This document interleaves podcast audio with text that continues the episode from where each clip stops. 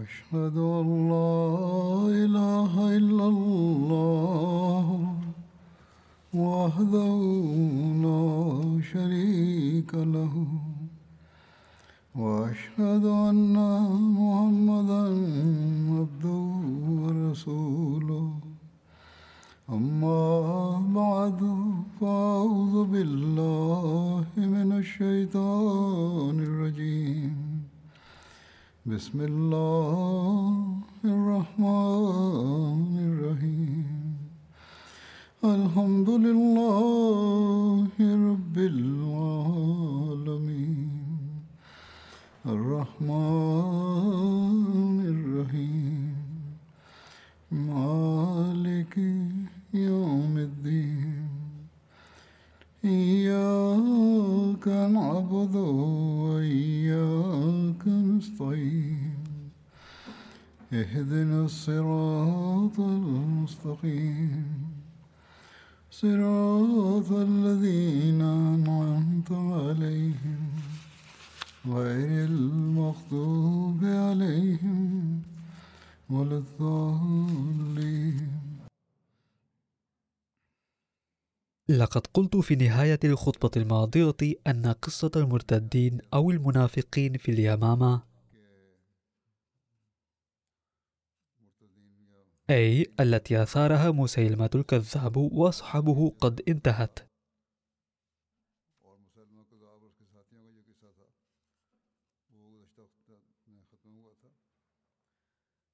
أما الآخرون الذين تمردوا ورفعوا السلاح ضد المسلمين في عهد سيدنا أبي بكر رضي الله عنه فيستمر ذكرهم. فكانت بعثات كثيرة كما قلت لكم سابقا. وتم بيان الأولى منها وكان بيانها طويلا. أما البقية العشر منها فقد ورد عن الثانية والثالثة منها أنها فتحت على يد سيدنا حذيفة وسيدنا عرجفة.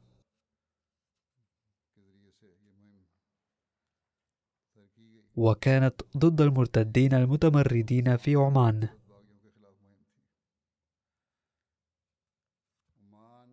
عمان مدينة يمنية قرب البحرين.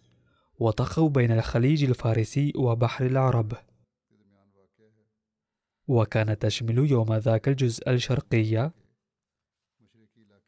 مما يعرف الآن بالإمارات العربية المتحدة. عاشت هنا قبيلة الأزد الوثنية والقبائل الأخرى التي كانت من المجوس. كانت مسقط وسحار ودباء من المدن الساحلية في هذه المنطقة. كانت عمان في عهد النبي صلى الله عليه وسلم تحت إمرة الفرس وكان عليها جيفر. والديانة المجوسية كانت منتشرة في هذه المنطقة. بعث النبي صلى الله عليه وسلم أبا زيد الأنصاري وعمرو بن العاص السنة الثامنة من الهجرة برسالة للتبشير بالإسلام إلى أخوين زعيمين هنا جيفر بن جولندي وعباد بن جولندي. وكان مضمون رسالة النبي كما يلي بسم الله الرحمن الرحيم. من محمد عبد الله ورسوله إلى جيفر وعباد ابني جلندي. السلام على من اتبع الهدى. أما بعد فإني أدعوكما بدعوة الإسلام أسلما تسلما. فإني رسول الله إلى الناس كافة لينذر من كان حيا ويحق القول على الكافرين. وإن أقررتما بالإسلام وليتكما وإن أبيتما فإن ملككما زائل عنكما. فاعتنك هذان الأخوان الإسلام بعد أيام من النقاش وفقا لبعض الروايات. وفي رواية أن جيفر حاكم عمان قال لا عذر لي في اعتناق الإسلام لكني أخشى أني إذا جمعت الزكاة من هنا وأرسلتها إلى المدينة المنورة فسينفر مني قومي. فقال له سيدنا عمرو بن العاص إن أموال الزكاة التي ستجمعها من هذه المنطقة ستنفق على فقراء المنطقة نفسها. فأسلم.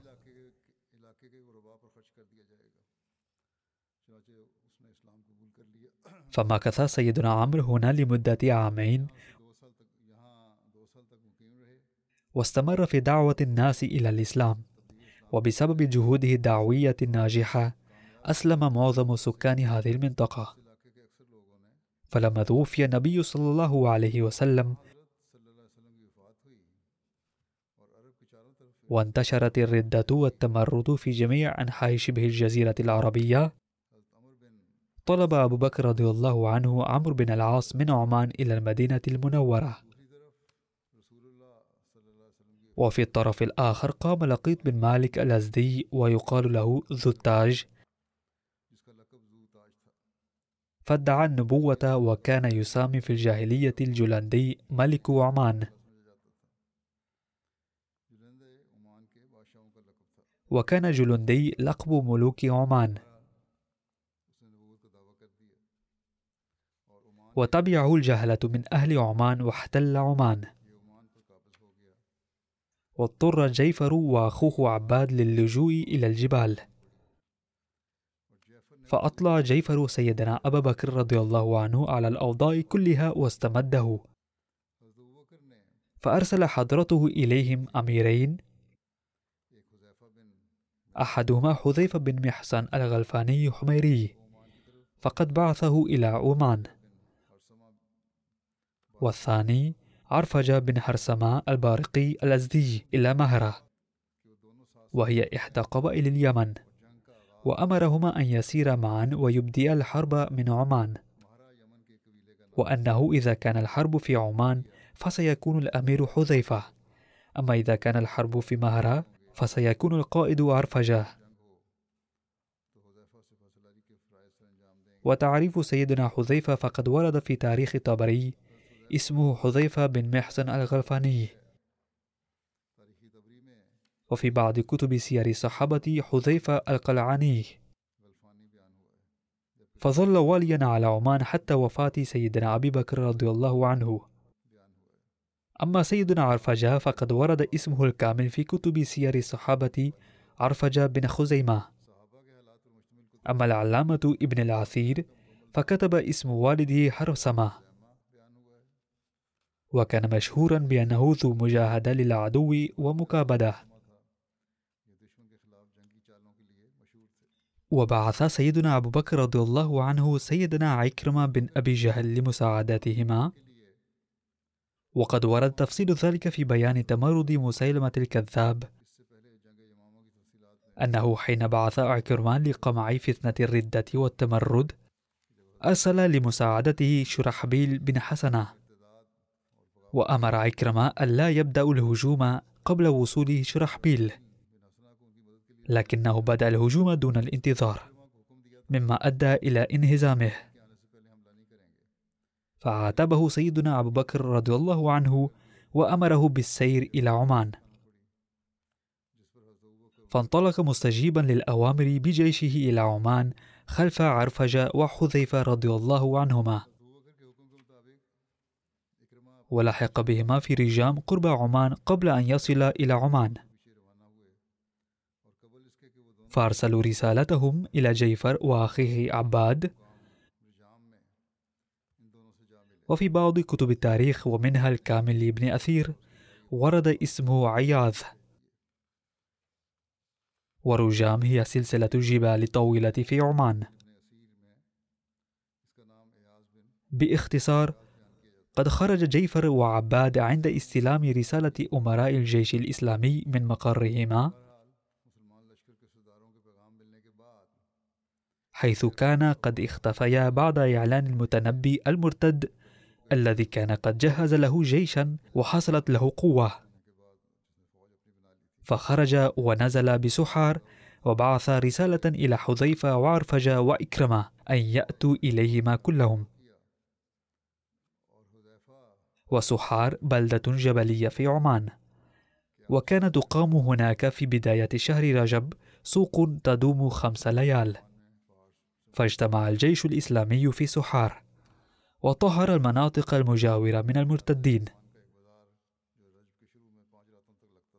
وبلغ لقيطا مجيء الجيش الإسلامي فجمع جموعه وعسكر بدبة للمقاومة وترك خلفه النساء والأولاد والمال والمتاع ليعززه ذلك في القتال.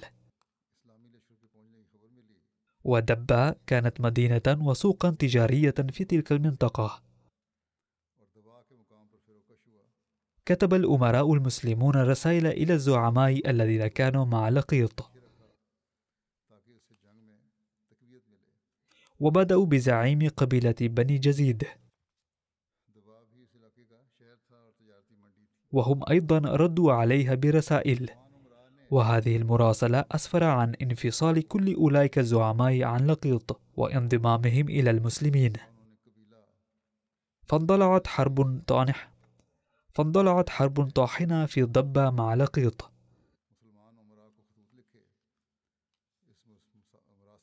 وكان في البداية غالبا وكانت هزيمة المسلمين وشيكة.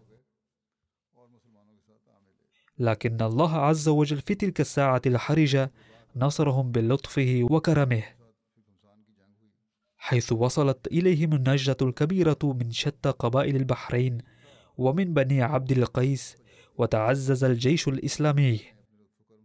فتقدم وعاد الكرة بشدة على جيش لقيط. فانهزموا وهربوا. فلاحقهم المسلمون وقتلوا قرابة عشرة آلاف مقاتل منهم. وأسروا الأولاد والنساء. واستولوا على الأموال والسوق. وأرسلوا خمسه مع عرفجة إلى سيدنا أبي بكر رضي الله عنه. وبذلك تم قمع هذه الفتنة في عمان أيضاً. واستقر الحكم الإسلامي على أسس متينة. بعد الحرب استقر سيدنا حذيفة في عمان. واشتغل في إصلاح الأوضاع وإساء دعائم الأمن. أما عرفجة فكما قلت فقد عاد مع الغنائم إلى المدينة. فانطلق سيدنا عكرمة بجيشه إلى مهرة لقمع التمرد هناك. فقد ورد عن حملات سيدنا عكرمة ضد المرتدين المتمردين أن سيدنا أبا بكر رضي الله عنه أعطى إكرمة لواء وبعثه إلى مسيلمة. وبعث في أثره إلى اليمامة شرحبيل بن حسنة. فقد بعثهما إلى اليمامة إلا أنه قال ليكرم ألا يبدأ القتال قبل أن يصل إليه شرحبيل. لكن عكرمة كما ذكر سابقا أسرع وهاجم قبل وصوله. فرده مسيلمة هزيما. ولما عرف بذلك سيدنا شرحبيل بن حسنة توقف في مكانه. وكتب إليه سيدنا أبو بكر أن يبقى قرب اليمامة حتى وصول أمر آخر منه. وكتب إلى عكرمة يعنفه لتسرعه لا أرينك ولا أسمعن بك إلا بعد أن تحرز إنجازا كبيرا. وعندها يمكن أن تأتيني. ثم أمره بالتوجه إلى عمان وقتال أهل عمان لمساعدة حذيفة وعرفجة. على كل حال وكما قلت آنفا فكانت عمان تضم البلاد المجاورة لخليج فارس.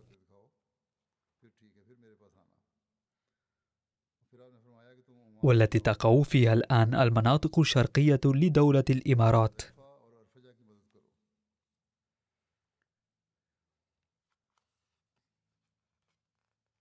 كان يسكنها القبائل المشركة وأيضا المجوس ومسقط وسحار ودباه مدن ساحلية هناك.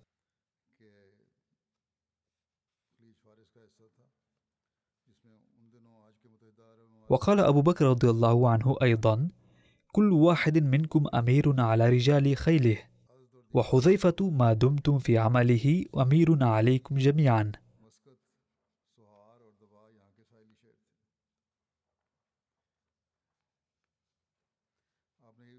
فإذا فرغتم فامضي إلى بني مهرة.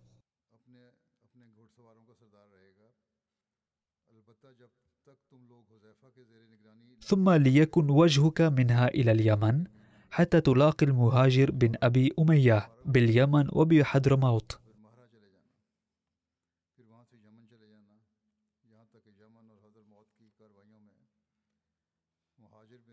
وابقى معه وأوطي من بين عمان واليمن من أهل الردة.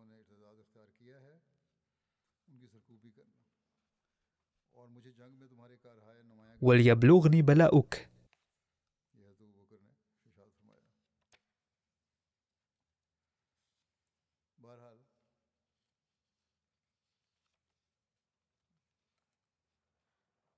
وقبل مسير عكرمة كان حذيفة بن محسن الغلفاني وعرفج البارقي خرج إلى عمان لقتال بني مهرة المرتدين بحسب تعليمات أبي بكر رضي الله عنه.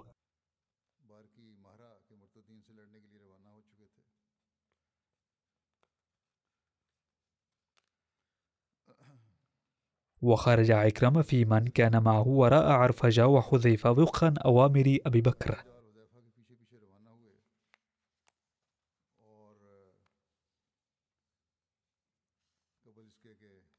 حتى لحق بهما قبل أن ينتهي إلى عمان.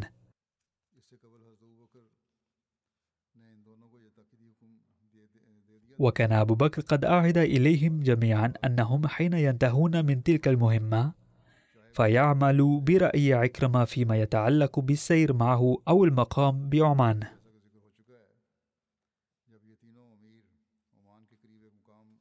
باختصار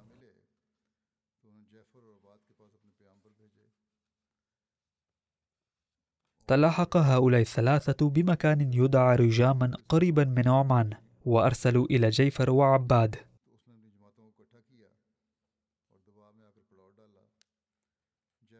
وبلغ لقيط مجيء جنودهم فجمع جموعه وعسكر بدباه. وخرج جيفر وعباد من موضعهما فعسكر بسحار. وبعث إلى حذيفة وعرفجة وإكرمة في القدوم إليهما فقدموا إليهما بسحار كما مر آنفا. فطهروا المنطقة من أهل الردة وتم الصلح بمن يليهم جميعا. وكاتب هؤلاء الأمراء ثلاثة رؤساء كانوا مع لقيط وبدأوا بسيد بني جديد. فكاتبهم وكاتبوه حتى ارفض هؤلاء الرؤساء عن لقيط ثم وقع قتال شديد بين المسلمين وجنود لقيط وقد مر ذكره مفصلا. وبعد هذه المعركة رأى عكرمة وحذيفة أن يقيم حذيفة بعمان حتى يوطي الأمور ويسكن الناس. ومضى إكرمة في الناس وبدأ ببني مهرة بالقتال.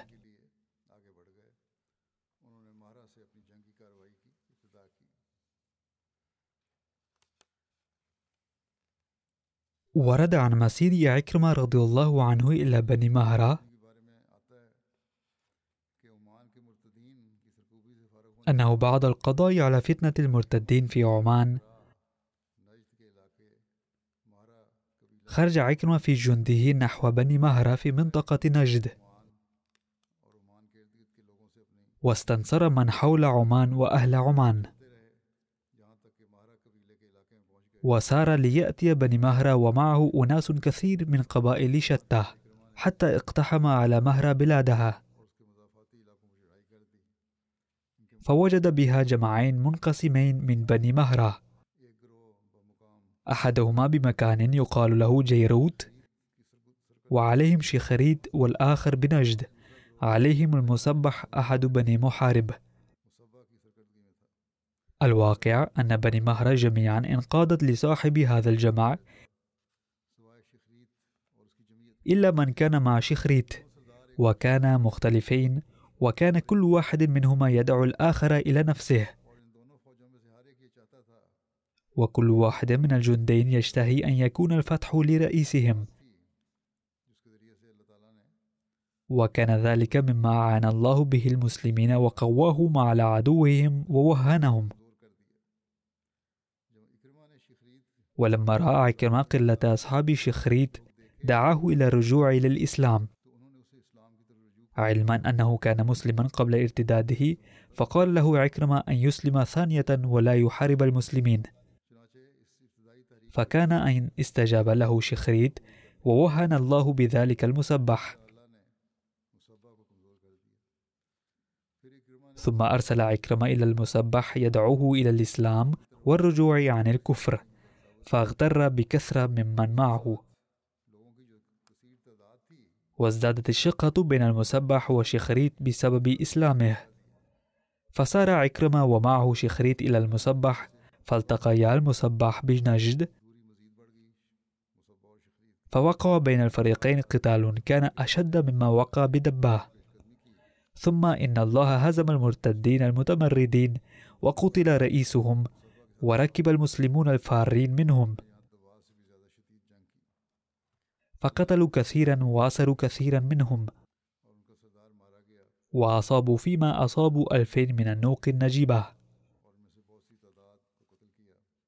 فخمس عكرم الغنائم وبعث بالخمس مع شخريت إلى أبي بكر رضي الله عنه. وقسم الأربعة الأخماس على المسلمين. وازداد عكرمة وجنده قوة والظهر والمال والمتع والعتاد. وأقام في المنطقة حتى جمع أهليها فبايعوه على الإسلام. فكتب بذلك مع البشير وهو السائب إلى سيدنا أبي بكر رضي الله عنه. ثم هناك ذكر عن مسير إكمة رضي الله عنه إلى اليمن حيث ورد أن أبي بكر رضي الله عنه كتب إلى عكرمة وقد مر ذكره من قبل أيضا. إذا فرغت من بني مهرة ليكن وجهك منها إلى اليمن حتى تلاقي المهاجر بن أبي أمية باليمن وبحضرموت. وأوطي من بين عمان واليمن ممن ارتده. وعملا بأوامر أبي بكر رضي الله عنه خرج عكرمة من منطقة بني مهرة سائرا نحو اليمن. حتى ورد أبيان قرية باليمن.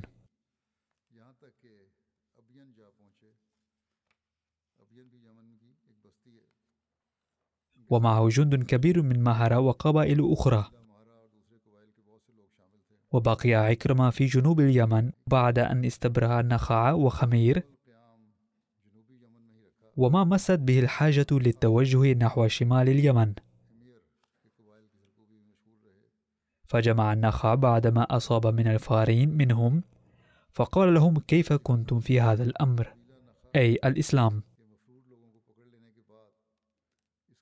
فقالوا كنا في الجاهلية أهل الدين لا نتعاطى ما تتعاطى العرب بعضها من بعض. فكيف بنا إذا صرنا إلى دين عرفنا فضله ودخلنا حبه أي حب الإسلام. فسأل عكرمة عنهم ليتحرى ما إذا كانوا يقولون بصدق القلب أم أنهم يتحايلون بذلك للنجاة بأنفسهم. فإذا الأمر كما قالوا فثبتت أعوامهم على الإسلام وهرب من فارق من خاصتهم. واستبرأ عكرمة النخع وحمير من تهمة الردة. وأقام بينهم لكي يجمعهم. وكان لمكوث عكرمة في أبين أثر كبير على بقية فلول الأسود العنسي وكان على رأسهم قيس بن مكشوح وعمر بن معد كرب فظل قيس بعد هروبه من صنعاء مترددا بينها وبين نجران. وكان عمرو بن معد كرب قد انضوى إلى حلول العنسي الموجودة في اللحج. فلما وصل عكرمة إلى أبيان انضم قيس إلى عمرو بن معد كرب فاجتمع واستعد لقتال عكرمة. ولكن ما لبث أن نشب الخلاف بينهما وافترقا. وهكذا لعب قدوم عكرمة من ناحية الشرق دورا كبيرا في القضاء على فلول المرتدين الموجودين في الحج كانت بنو كندا تسكن حضرموت المجاورة لليمن.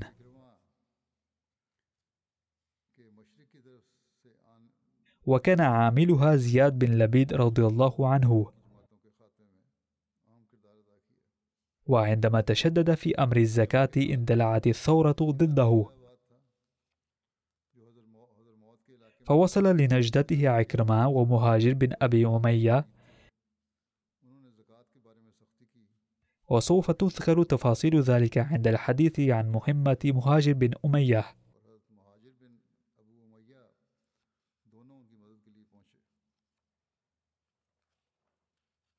أما عكرمة فقد تجهز للعودة إلى المدينة.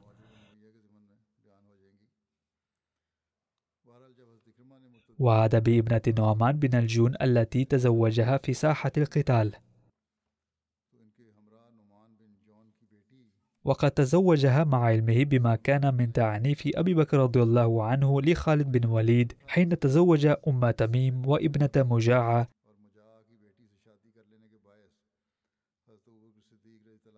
وقد مر ذكره مفصلا في الخطبة الماضية.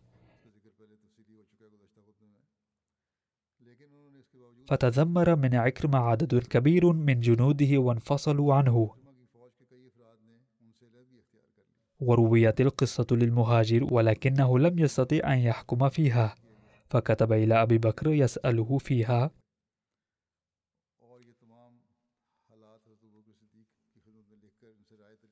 ورأى أبو بكر رضي الله عنه ألا حرج على عكرمة فيما صنعه فرضي الذين كانوا متزمرين.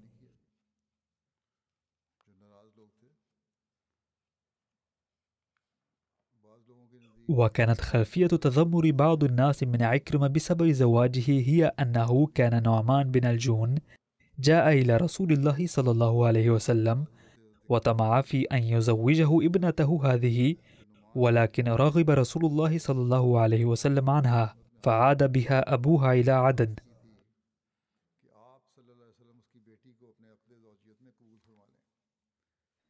لذلك ظن جماعة من الجند أن عكرمة يجمل به أن يرغب عنها كما رغب عنها رسول الله صلى الله عليه وسلم. ليكون له فيه رسول الله صلى الله عليه وسلم أسوة حسنة. أما أبو بكر رضي الله عنه فلم يرضى هذا الرأي ولم يرى في زواج عكرمة منها بأسا.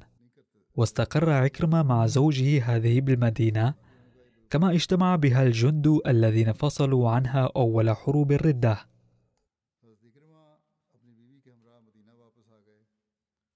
والتعريف بأسماء بنت النعمان بإيجاز هو أن المرأة التي تزوجها عكرمة مذكورة في البخاري وغيره من كتب الحديث.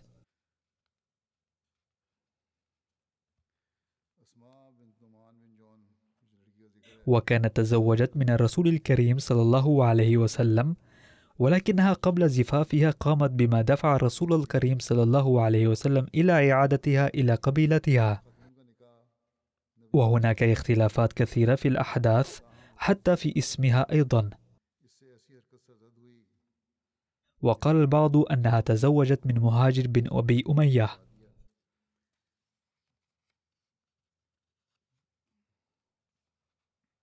باختصار قد بين المصلح الموعود رضي الله عنه تفصيل هذا الحادث فقال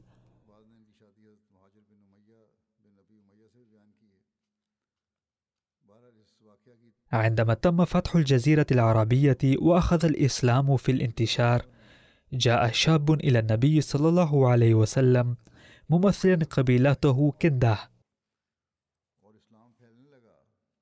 وكانت معه أخته واسمها أسماء أو أميمة ولقبها الجونية أو بنت الجون. سأل الشاب النبي الكريم صلى الله عليه وسلم أن يتزوج من أخته التي كانت متزوجة من قريب لها والآن هي أرملة. وهي على قسط طيب من الجمال والكفاءة ولما كان من أهداف النبي صلى الله عليه وسلم توحيد القبائل العربية قبل طلبه هذا؟ وقال سأعلن القرآن عليها بمهر قدره اثنتا عشرة أوقية من الفضة.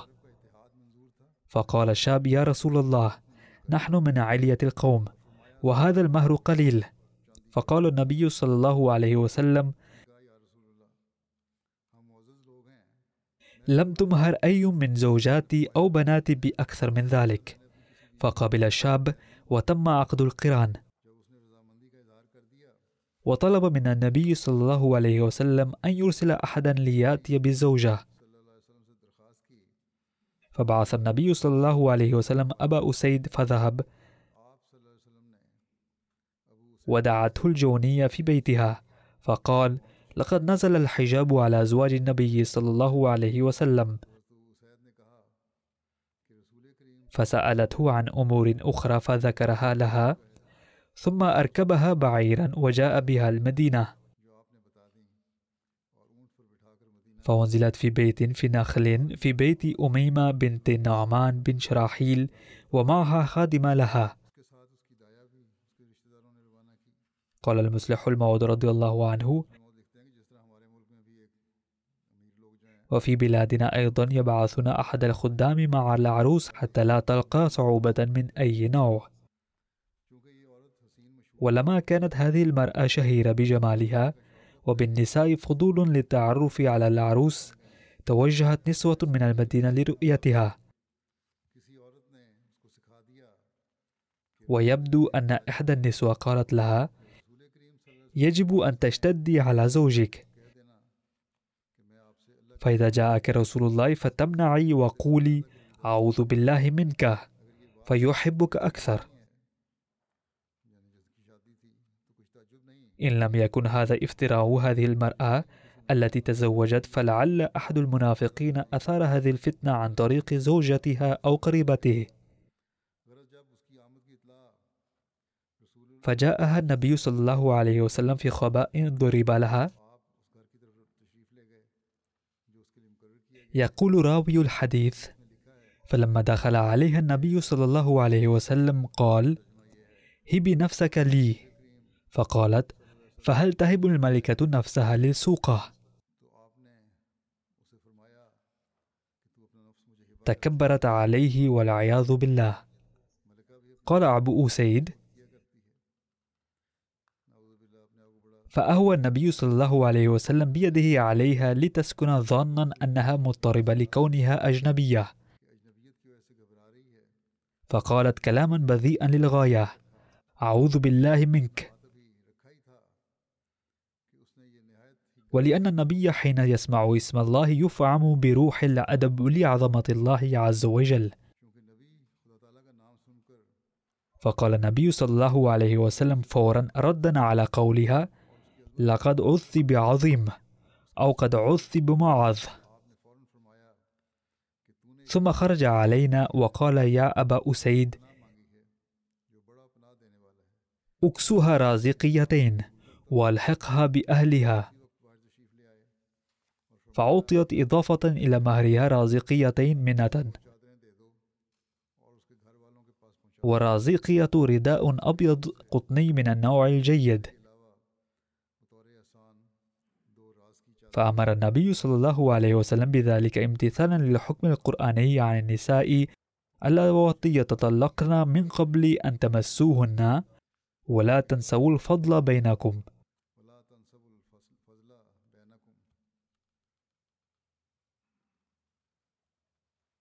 فأخذها أبو سيد إلى أهلها فشق ذلك على قبيلتها ولاموها كثيرا ولكنها أصرت على أن هذا من شقاوتي وقالت أيضا إن هناك من غرر بي وقال عندما يأتيك النبي صلى الله عليه وسلم فأظهر البعد عنه والنفور عن منه. فهذا سوف يوقع في نفسه رعبك. وسواء كان هذا ما حدث بالضبط أم لا فإنها أظهرت النفور فتركها النبي صلى الله عليه وسلم وسرحها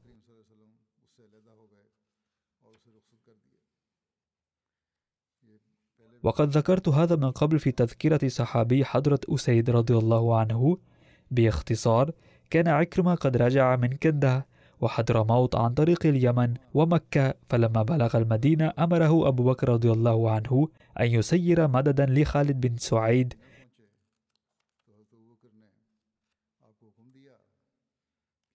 وكان عكرمة قد سرح الجند الذين قاتلوا معه في حروب الردة.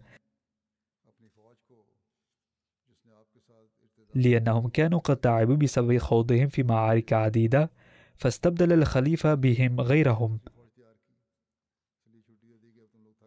وأمرهم أن يسيروا تحت اللواء عكرمة إلى الشام. وهناك قاتل عكرمة بشجاعة حتى استشهد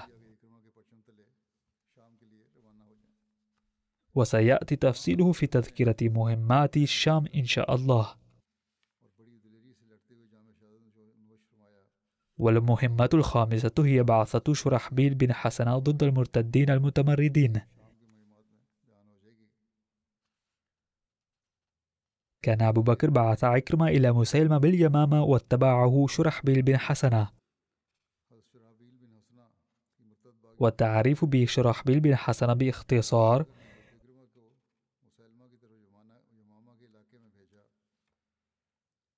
هو أن اسم أبيه عبد الله بن المطاع واسم أمه حسنة. وقيل إنه كندي. وقيل تميمي. ولما مات عبد الله والد شرحبيل فكني باسم أمه شرحبيل بن حسنة وأسلم شرحبيل قديما. وهاجر إلى الحبشة هو وأخواه. فلما قدموا من الحبشة نزلوا في بني زريق في ربعهم. كان شرحبيل من أشهر القادة في عهد الخلفاء الراشدين. توفي في تعاون عمواس سنة ثمان عشر للهجرة. وله سبع وستون سنة. على أية حال كما ذكر أن عكرمة خلافا لأمر أبي بكر رضي الله عنه. أسرع بلقاء مسلمة قبل وصول شرحبيل بن حسن إليه. وذلك ليعود بفخار النصر. فرده مسلمة هزيما.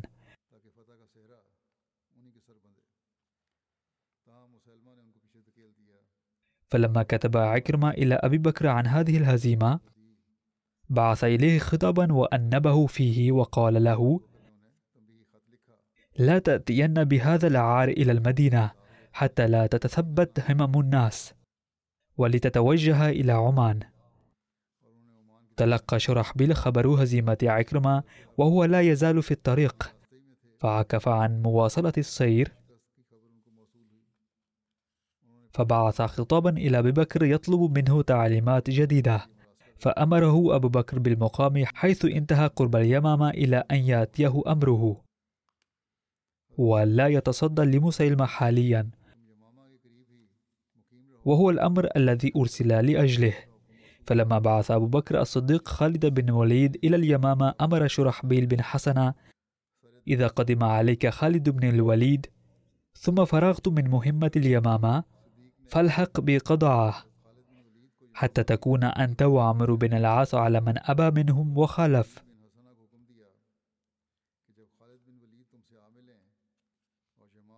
أي أنهم لم ينكروا الإسلام فقط بل عارضوا أيضا. فقضاعة كانت قبيلة عربية مشهورة عاشت في منطقة كانت على بعد عشرة منازل من المدينة المنورة.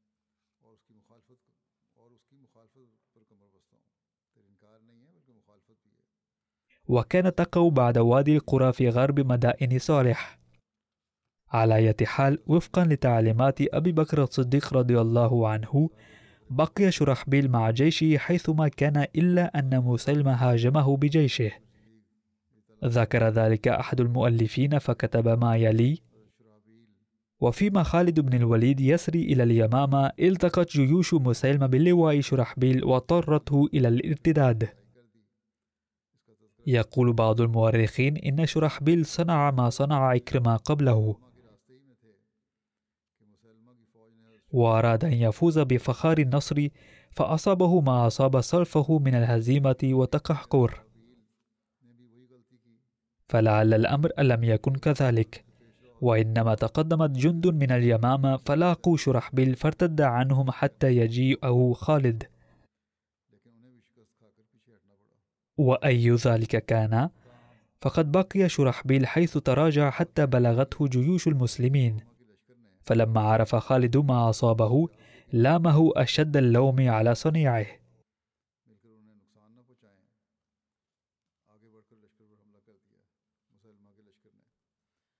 ولعل خالد كان يؤثر أن يتراجع من غير أن يشتبك مع خصمه حتى لا يقوي الظهر روحهم المعنوي. على أن يخوض في الحرب مع العدو رغم فقدان الكفاءة والقوة فبالتالي يواجه الهزيمة.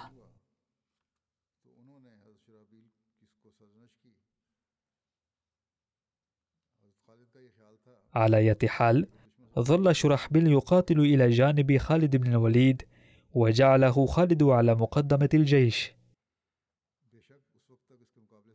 وعلى المجنبتين زيد بن الخطاب وأبا حذيفة بن عطبة بن ربيعة.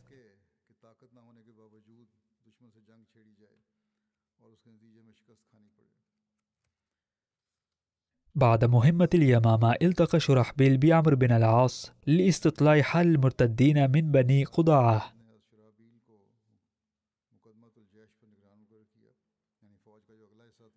فقد ورد أن شرحبيل وعمر بن العاص أصبحا يغاوران أهل الردة من قضاعة فكان عمرو بن العاص يغاور سعدا وبلقاء. وشرحبيل كان يغاور كلبا والقبائل التابعة لها. المهمة السادسة كان مهمة عمرو بن العاص ضد المرتدين البغاة.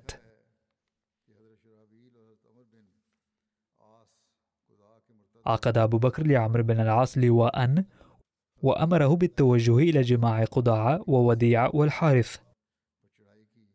وقضاعة قبيلة عربية معروفة استقرت على بعد عشرة منازل من المدينة المنورة في منطقة تقع غرب مدائن صالح بعد وادي القرى.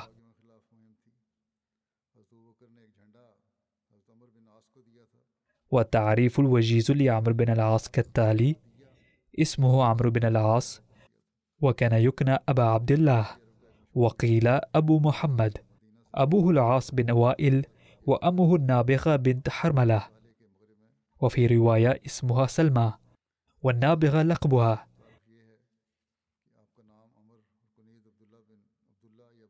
قيل كان إسلامه في صفر سنة ثمان قبل الفتح بستة أشهر.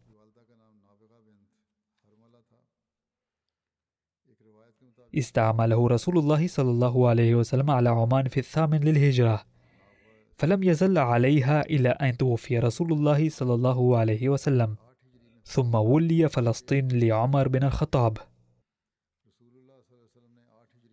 ومن مآثره البارزة فتح مصر.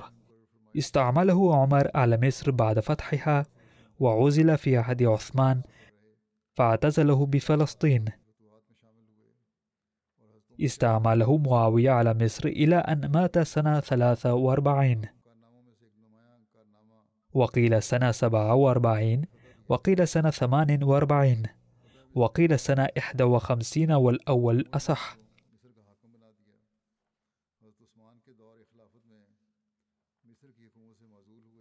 كان حضرة عمرو بن العاص عظب الحديث وخطيبا مفوحا وفصيحا. وكان محنكا وسياسيا ماهرا وقائدا عظيما.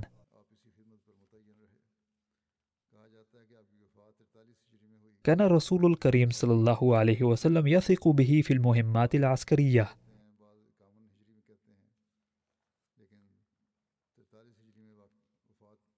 لقد اعتبرت هذه الأسرة المكونة من عمرو بن العاص ونجله عبد الله وأم عبد الله أفضل أسرة.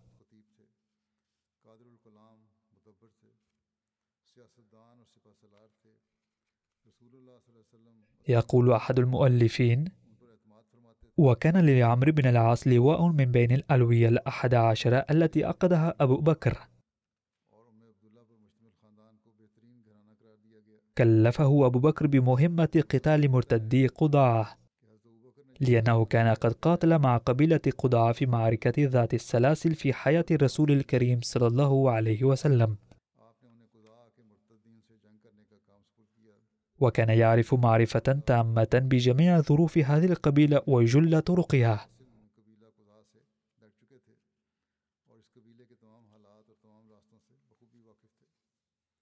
لقد بعث النبي صلى الله عليه وسلم في شهر ذي الحجة سنة ثمان من الهجرة إلى ملكي عمان جيفر وعباد ابني الجلندي كتابا مع عمر بن العاص يدعوهما إلى الإسلام. وكانت هذه السفارة ناجحة إذ أسلم أهل عمان على يد عمرو بن العاص. فسر النبي صلى الله عليه وسلم وعينه واليا للصدقة عليها جزاء خدمته العظيمة. ولم يزل مقيما هناك حتى جاءه نعي رسول الله صلى الله عليه وسلم وأتاه كتاب أبي بكر الصديق رضي الله عنه. لما توفي رسول الله صلى الله عليه وسلم ارتدت أكثر قبائل العرب. أرسل أبو بكر رضي الله عنه في طلب عمرو بن العاص من عمان لمحاربتها والقضاء على فتنة الارتداد. فجاء إلى المدينة. لما عين أبو بكر أحد عشر أميرا فقد أمر حينها شرحبيل بن حسنة. امضي إلى اليمامة. فإذا فرغتم فامضي أنت إلى قضاعة فكن مع عمرو بن العاص على من أبى منهم الإسلام وخالفه. فبدأ عمرو بن العاص وشرح بالمهماتهما ضد المتمردين من بني قضاعة وأصبح يغاوران عليهم. كتب أحد المؤلفين تفاصيل هذا الأمر فقال لم يدخل بنو قضاعة في الإسلام بانشراح الصدر بل إنهم أيضا مثل القبائل الأخرى قد اعتنقوا الإسلام خوفا أو طمعا في المال والجاه. وكانت قلوبهم خالية من حب الإسلام. لذلك فبعد وفاة رسول الكريم صلى الله عليه وسلم بمجرد أن شعروا بضعف المسلمين رفضوا دفع الزكاة. فبعد أن تلقى عمرو بن العاص الأمر من دار الخلافة توجه بجيشه نحو منطقة الجذام سائرا على الطريق نفسه الذي سلكه من قبل. وعند وصوله إلى هناك رأى بني قضاء على استعداد تام للحرب. بدأت المعركة وحمي الوطيس. فواجهت بنو قضاع الهزيمة كما حصل سابقا. وأخذ عمرو بن العاص الزكاة منهم وأرجعهم إلى الإسلام مرة أخرى وعاد إلى المدينة المنورة مظفرا ومنصورا. سأتناول ذكر باقي هذه المهمات مستقبلا بإذن الله.